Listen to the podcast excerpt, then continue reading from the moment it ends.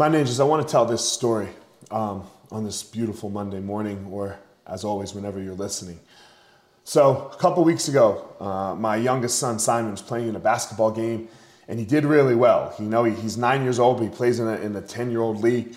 Um, and in that game, he scored 23 points. He's never scored 23 points before, you know, and it's the first time he's played in a while. So his skill level went way up. And after that game, you know, he was very happy and, and, and as, as he should be, you know, as he should be. And this is a competitive league.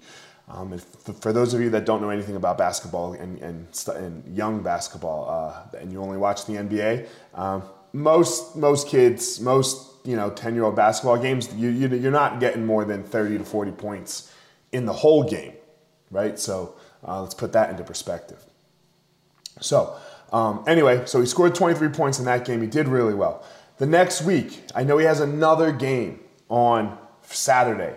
And as we're driving in the car on friday i i did something really really unskillful. I put my fear on him.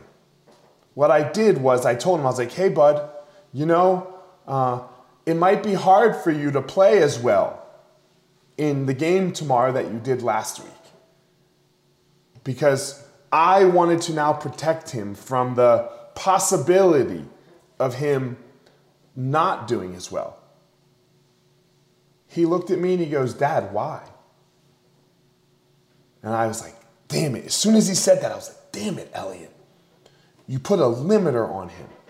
And he looks at me and goes, Elliot, Dad, let's make a bet. If I score more than 23, I get two milkshakes. I get two milkshakes on after the game. And I was like, all right, dude, bet. Let's go. He goes out in the game and we're three, three minutes into the game.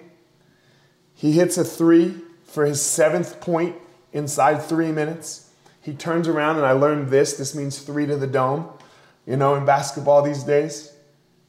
And he goes, Told you. And he goes on to score 31 points in that game.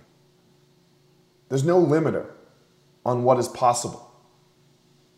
I put a limiter on my kid, and so often we put a limiter on ourselves. We put a limit on ourselves of what we think we're capable of because we're scared of the possibility. We're scared of the possibility of failure. We're scared that we're gonna fail and then what's gonna happen? How will I feel when I fail and don't reach it and blah, blah, blah. That's what I was doing to him. Look, I was wrong. Just deal with his failure if he fails.